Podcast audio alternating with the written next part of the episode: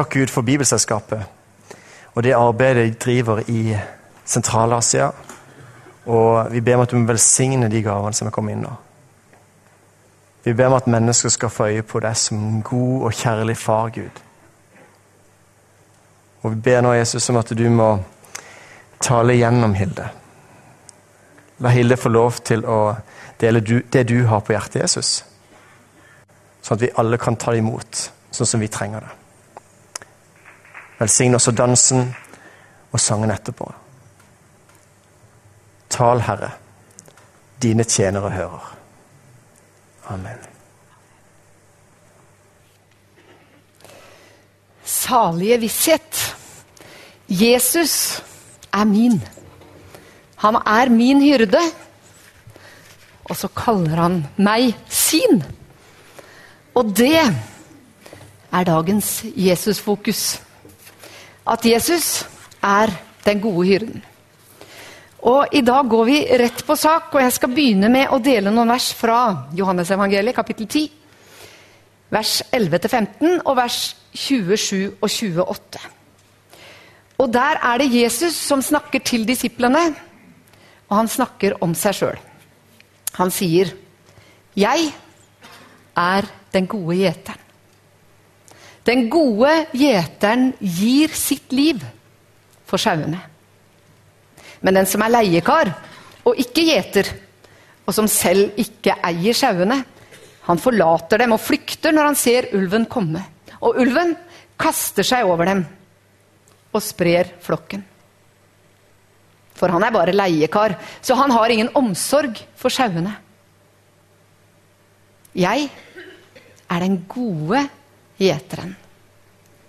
Jeg kjenner mine, og mine kjenner meg. Like som jeg kjenner far, og far kjenner meg. Jeg gir mitt liv for sauene. Mine sauer hører min stemme. Jeg kjenner dem, og de følger meg. Og jeg gir dem evig liv. De skal aldri i evighet gå tapt. Og ingen kan rive dem ut av min hånd. Det er veldig mye jeg ikke kan om sauegjeting. Det er egentlig veldig lite jeg kan om sauegjeting. Men jeg veit i hvert fall at det fins minst to ulike måter du kan passe på sauene på. Og Den ene er at du setter opp et solid gjerde som gjør at hvis du bare får sauene innenfor den innhegninga, så kommer de seg ikke ut igjen. Da er det trygt.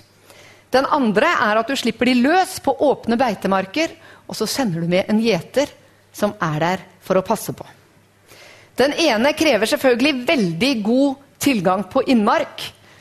Mens den andre krever ganske mye mer arbeidskraft, for da må du ha én mann på sauene hele tida.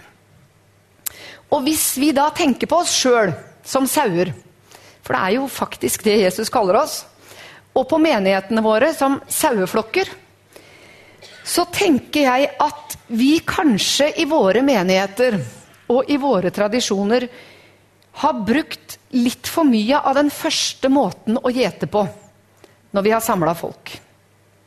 Vi har bygd gjerder, eller solide kirkebygg om du vil. Og så har vi forsøkt å holde folk der inne og tenkt at bare vi klarer å holde ungene, ungdommene unna byen på lørdagskvelden, eller bare vi sørger for at de som er her inne i huset vårt, skjønner at de må holde seg unna hor og alkohol og noen sånne ting, bare vi passer på at vi har så gode arrangementer at de kommer inn når vi samles, og ikke lurer seg ut eller inn andre steder. Eller bare vi får de inn og klarer å holde de samla her innafor våre grenser, så skal det nok gå rimelig bra. Men så har vi kanskje av og til glemt at det viktigste er ikke at vi klarer å samle flokken innafor gjerdene. Det viktigste er hvem vi er samla om. Og da handler det mer om den andre måten å gjete på, den som Jesus snakker om. Nemlig å få sauene til å følge etter gjeteren. For det er jo ikke så viktig med de gjerdene, hvis sauene veit at de alltid må være i nærheten av gjeteren. Og for sauene tror jeg ikke det er noe spørsmål om hvor langt kan jeg klare å komme meg unna uten å miste kontakten. Nei, de skjønner at hvis jeg skal være trygg, hvis jeg skal være beskytta, så må jeg være der gjeteren er. Og dessuten er det jo gjeteren som alltid leder meg til friskt beite og til godt drikkevann. Så hvis jeg er nær han, så er jeg trygg, og så får jeg det jeg trenger.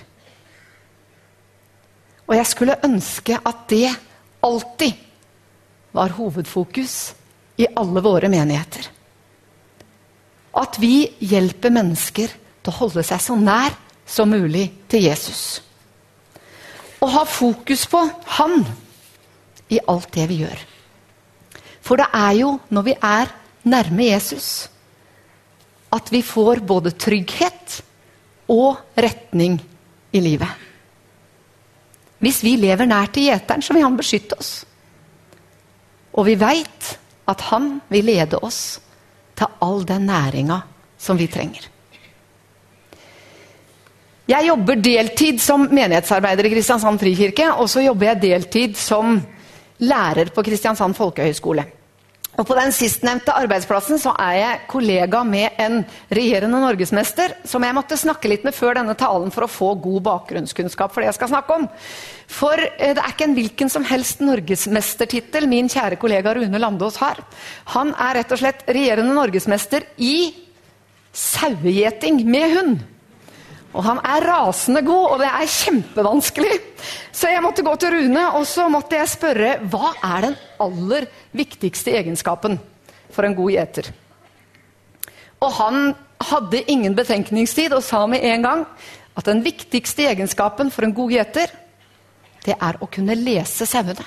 Å kunne forstå hvordan de tenker, og kunne kjenne de godt.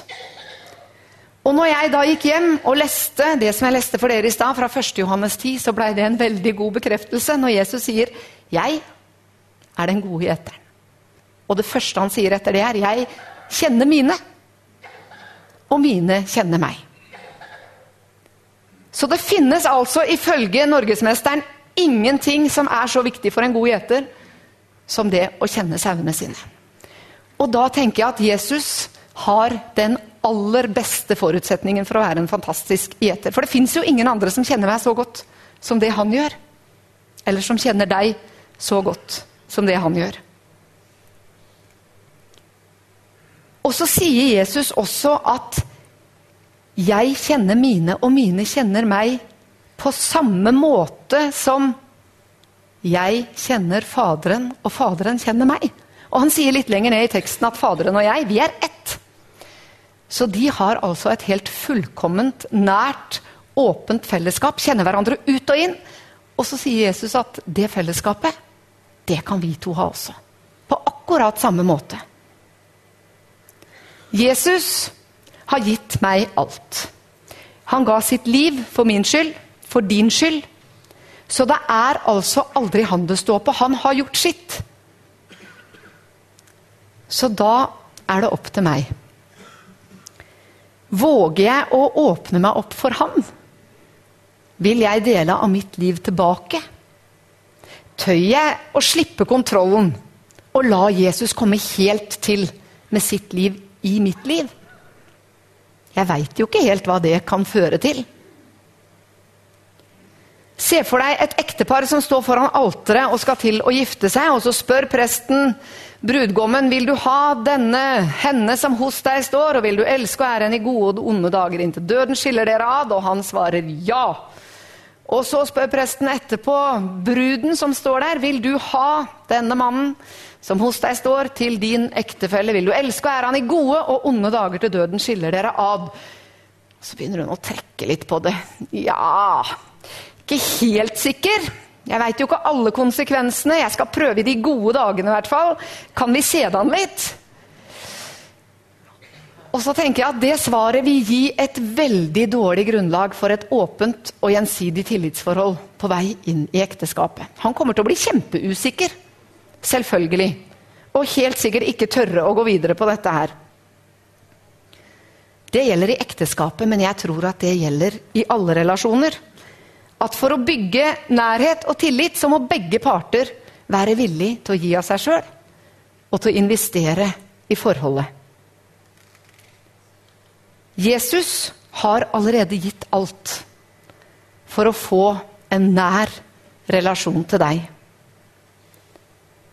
Har du svart et klart og tydelig ja til Jesus? Eller er det mer et tja, kanskje på en god dag? Det kommer litt an på. Jeg er litt usikker på hva dette innebærer. Jeg tror at hvis jeg ønsker et nært forhold til Jesus, så må jeg faktisk være villig til å investere tilbake. Til å gi han mitt liv. Og når jeg sier at 'jeg må', så kan det høres litt sånn ut Åh, det er enda en ting jeg må klare. Men det må, det er egentlig bare nåde. For det er ikke tvang, men et tilbud om fellesskap som Jesus står der med til oss. Tenk at jeg faktisk kan få lov til å komme med Jesus, til Jesus med hele mitt liv, sånn som det er. Med mine nederlag, med mine frustrasjoner, med det jeg ikke syns jeg får til.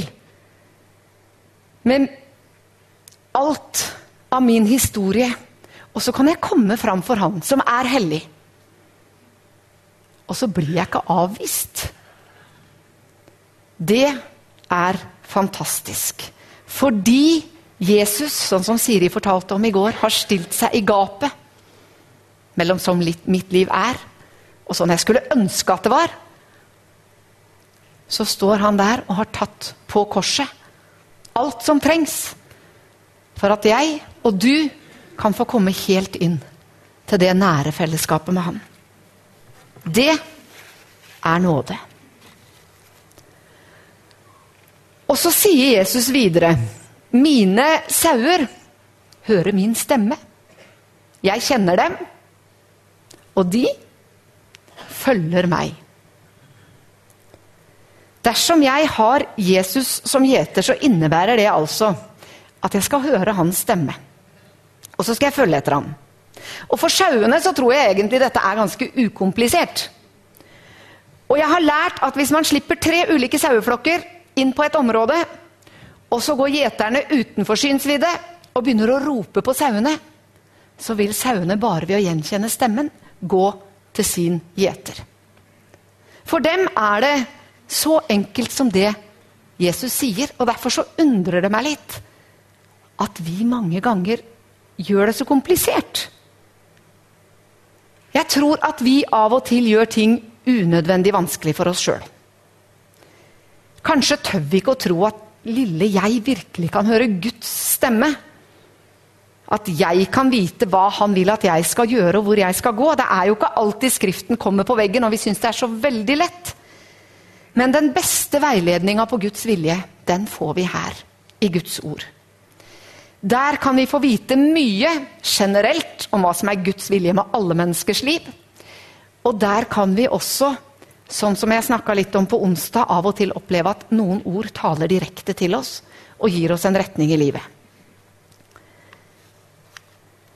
Men om vi klarer å høre og klarer å gjenkjenne Guds stemme, det tror jeg også kommer ganske mye an på hvem vi velger å lytte til. Fordi at eh, vår hverdag, i hvert fall min hverdag, inneholder veldig mange forstyrrelser. For det er jo ikke bare Jesus' stemme som prøver å trenge gjennom og nå inn til meg. Det er mange som vil ha vårt fokus. Det er media, det er venner, familie, TV, Facebook, fritidsinteressene våre. Ikke minst markedskreftene, som gjerne vil ha oss til å forbruke mer.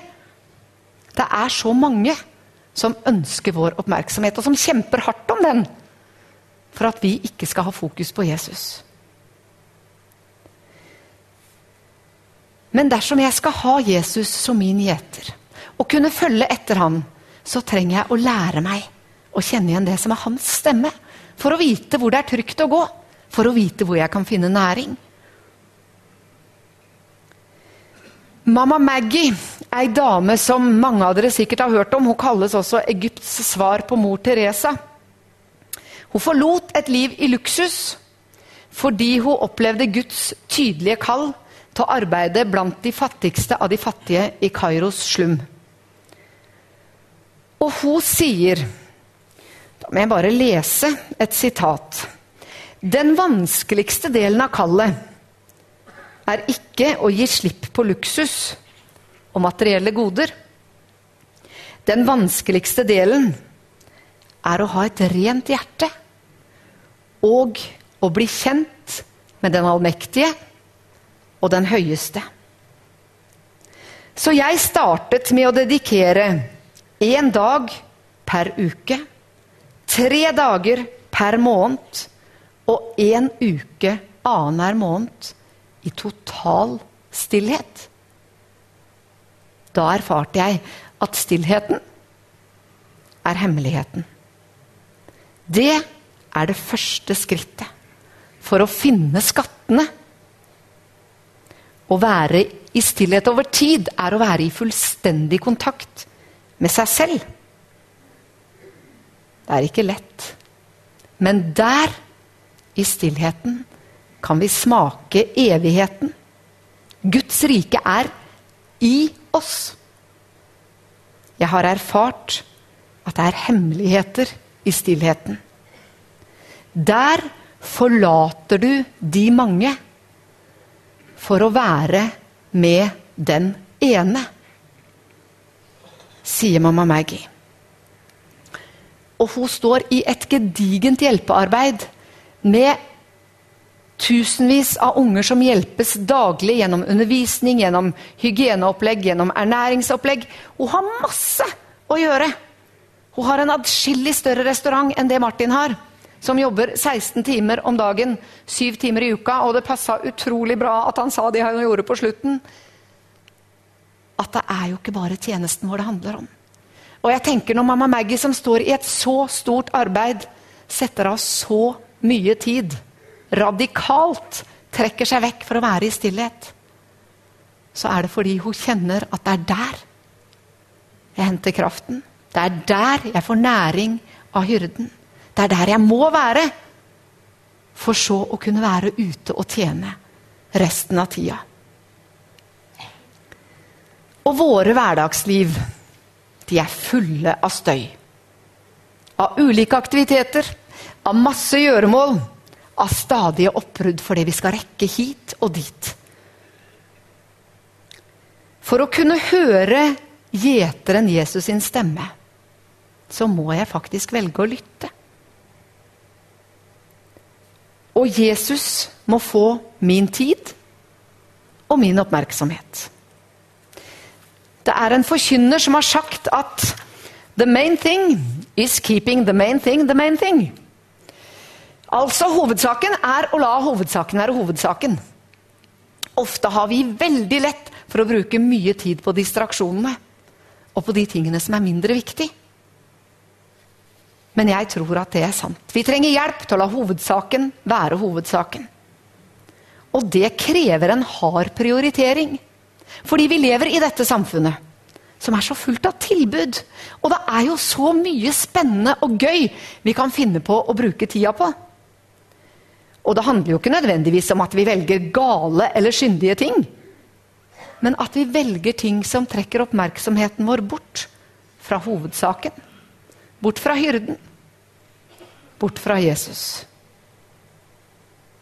Du veit sjøl hvor mye tid du bruker på Guds ord, på bønn, på fellesskap med dine brødre og søstre i løpet av ei uke i forhold til hvor mye tid du bruker på TV og aviser og internett og trening og andre fritidsinteresser, eller hva det måtte være som du liker å drive med.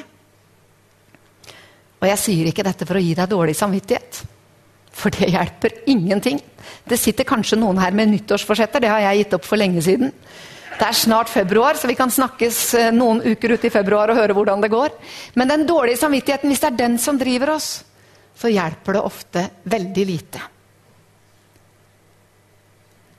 Men jeg sier det for at du skal få en mulighet til å tenke. Og kanskje nullstille deg litt og spørre Jesus har du noe forslag til hvordan jeg skal prioritere. For i dag begynner jo faktisk resten av livet ditt. Og som Siri sa i går, Gud er ikke ferdig med å skrive historien om ditt liv. Og du er den eneste som kan ta gode grep og gjøre valg, sånn at livet ditt ikke bare blir noe som skjer, men at det får den retningen du helt bevisst ønsker. Og jeg innrømmer gjerne at jeg syns dette er vanskelig. Jeg må virkelig bestemme meg for å sette av tid til Jesus. Det kommer ikke av seg sjøl, selv, selv om jeg faktisk har dette som jobb og blir betalt både for å lese i Bibelen og be. Så det burde være lettere for meg enn for snittet. Men gode valg er ikke alltid lett. Og så er det viktig for meg å presisere at det å bruke tid i fellesskap med Gud, eller med Jesus, det er ikke noe jeg gjør for å prestere bra nok for han. Fordi at han blir jo ikke noe mer glad i meg, eller fornøyd med meg, eller syns jeg stiger på hans verdiskala hvis jeg bare er flink til å lese i Bibelen og be. Jeg er uendelig høyt elska og unik, akkurat som du. Og ingenting vi gjør, eller lar være å gjøre, kan forandre på Guds kjærlighet til oss. Så det er ikke for hans skyld at jeg vil bruke tid med han. Det er for min egen skyld. Fordi Jesus er viktig i mitt liv. Fordi han både er og har alt jeg trenger. Andre Korinterne 3,18 er et av de bibelversene jeg liker veldig godt. Der sier Paulus at vi, som uten slør for ansiktet, ser Herrens herlighet som i et speil vi blir alle forvandla til dette bildet. Fra herlighet og til herlighet. Og det skjer fordi vi er så gode til å ta oss sammen. Står ikke det, vet du. Det skjer ved Herrens ånd. Så min del av jobben i fellesskapet med Gud er rett og slett bare å komme. Og stille meg i hans nærhet og se på hans herlighet. Og under over alle under kan han da komme med sin ånd. Og gjøre noe i mitt liv, sånn at jeg begynner å ligne mer på ham. Og det har ingenting med mine prestasjoner å gjøre. Men det handler bare om at jeg lar han slippe til i mitt liv. Og akkurat det samme vil han veldig gjerne gjøre i ditt liv. Jeg har hørt om en misjonær som etter ganske mange år i tjenesten var frustrert fordi han syntes han så så lite frukt av den tjenesten han gjorde. I form av at det var få mennesker som ble frelst. Så var det en klok sjelesørger som møtte han og sa Hvis du hadde sett alle de gode fruktene, så ville du bare blitt frista til å spise dem opp. Det er et engelsk uttrykk som sier 'stay connected and fruit happens'. Hold deg nær til Jesus, så kommer fruktene av seg sjøl. Men du skal slippe å ha fokus på om du bærer mye frukt. Altså om du klarer å prestere bra, om du får det til. For den biten, den tar Jesus seg av. Men du skal få lov til å holde fokus på Jesus.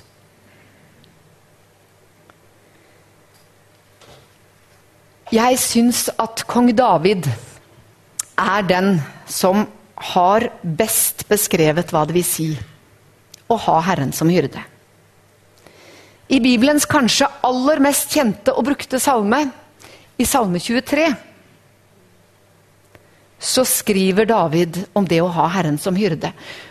Og den salmen er jo ikke skrevet etter at David bare har hatt oppturer og kjent at han er herlig frelst. Men David har noen brutale nedturer i sitt liv. Både personlige nederlag fordi han gjør dumme feil og synder, men også knallhard forfølgelse og noen som er etter han for å drepe han. Så David har et stort spekter av opplevelser i sitt liv. Og nettopp derfor så syns jeg at hans beskrivelse av Jesus som hyrde blir så troverdig. Det er ikke en som bare alltid har vært på topp, men det er en som har sterke, tøffe erfaringer fra sitt eget liv.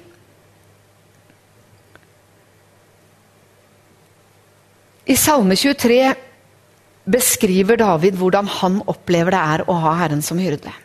Og min bønn er at vi alle sammen må få lov å leve med Herren som vår hyrde på samme måte som det David gjorde. At vi kan gjøre Hans ord til våre og kjenne at dette stemmer faktisk også på mitt liv.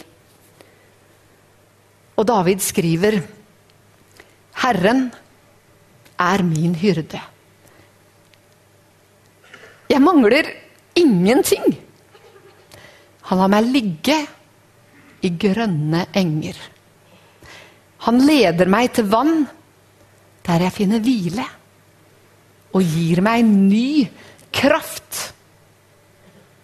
Han fører meg på de rette stier for sitt navns skyld. Selv om jeg går i dødsskyggens dal, så frykter jeg ikke for noe vondt. For du er med meg. Din kjepp og din stav, de trøster meg. Du dekker bord for meg, like for øynene på mine fiender. Du salver mitt hode med olje, så mitt beger flyter over.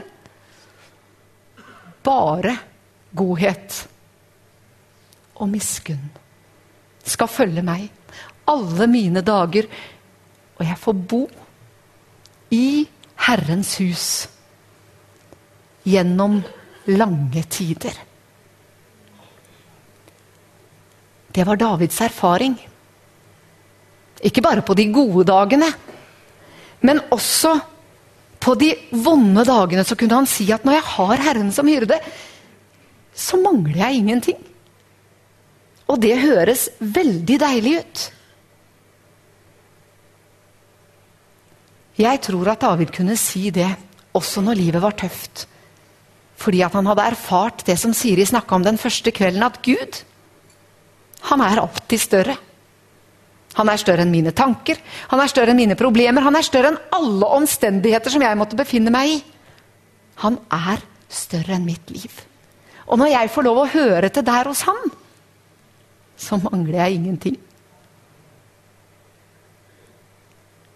Og det gir en enorm frihet å klare å lande på det i livet. Og se at jeg har faktisk alt jeg trenger, jeg. Og så tørre å si det ut.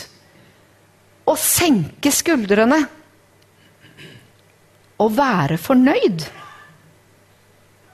Jeg tror at vi som har tatt imot Jesus, vi som har Herren som vår hyrde, vi har et stort potensial når det gjelder å være en motkultur på et, dette området i vår, vårt intense forbrukersamfunn. For det er så mange som vil lure oss til å tro at vi trenger litt mer. Hvis du bare får det eller det eller det, så blir du lykkelig. Og så veit vi at det er ikke de ytre tingene det handler om. Jeg kan få lov å si at jeg har nok. Faktisk fornøyd. Jeg husker at vi skulle pusse opp badet hjemme en gang.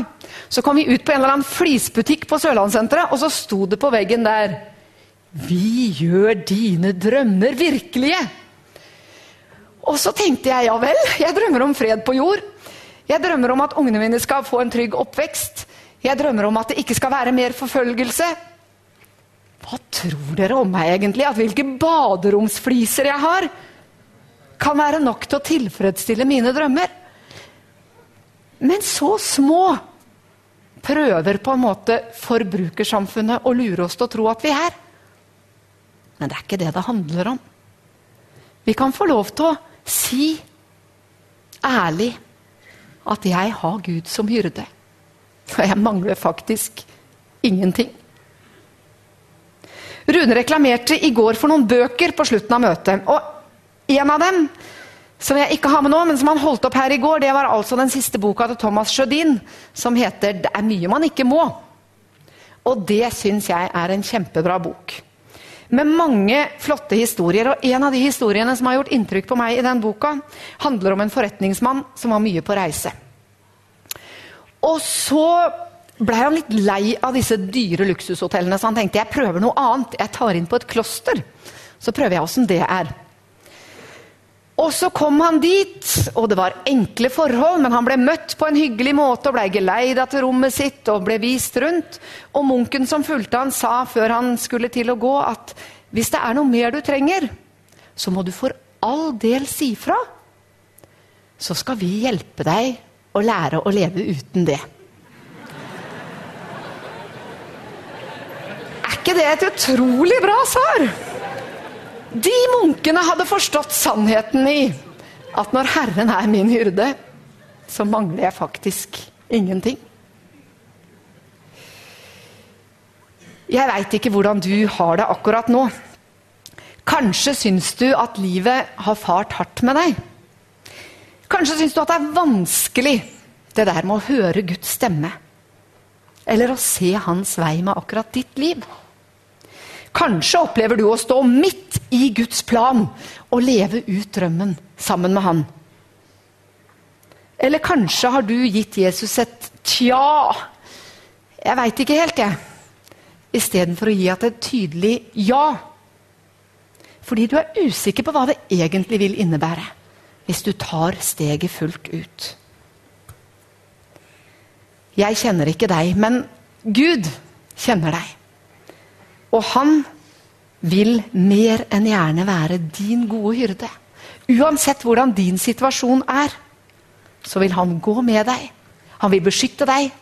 Han vil lede deg til grønt gress og hvilens vann. Og han vil lede deg på sine rette stier for sitt navns skyld. Her, nå i kveld, kan du få lov til å søke inn til ham. I lovsangen Gjennom fellesskapet her inne eller ute etterpå. Eller ved å gå til forbønn. Og du trenger ikke å stresse med at dette er noe du skal få til. Det eneste Jesus spør om, er om du vil komme. Og du er veldig hjertelig velkommen. Han står her, og han venter fordi han elsker deg.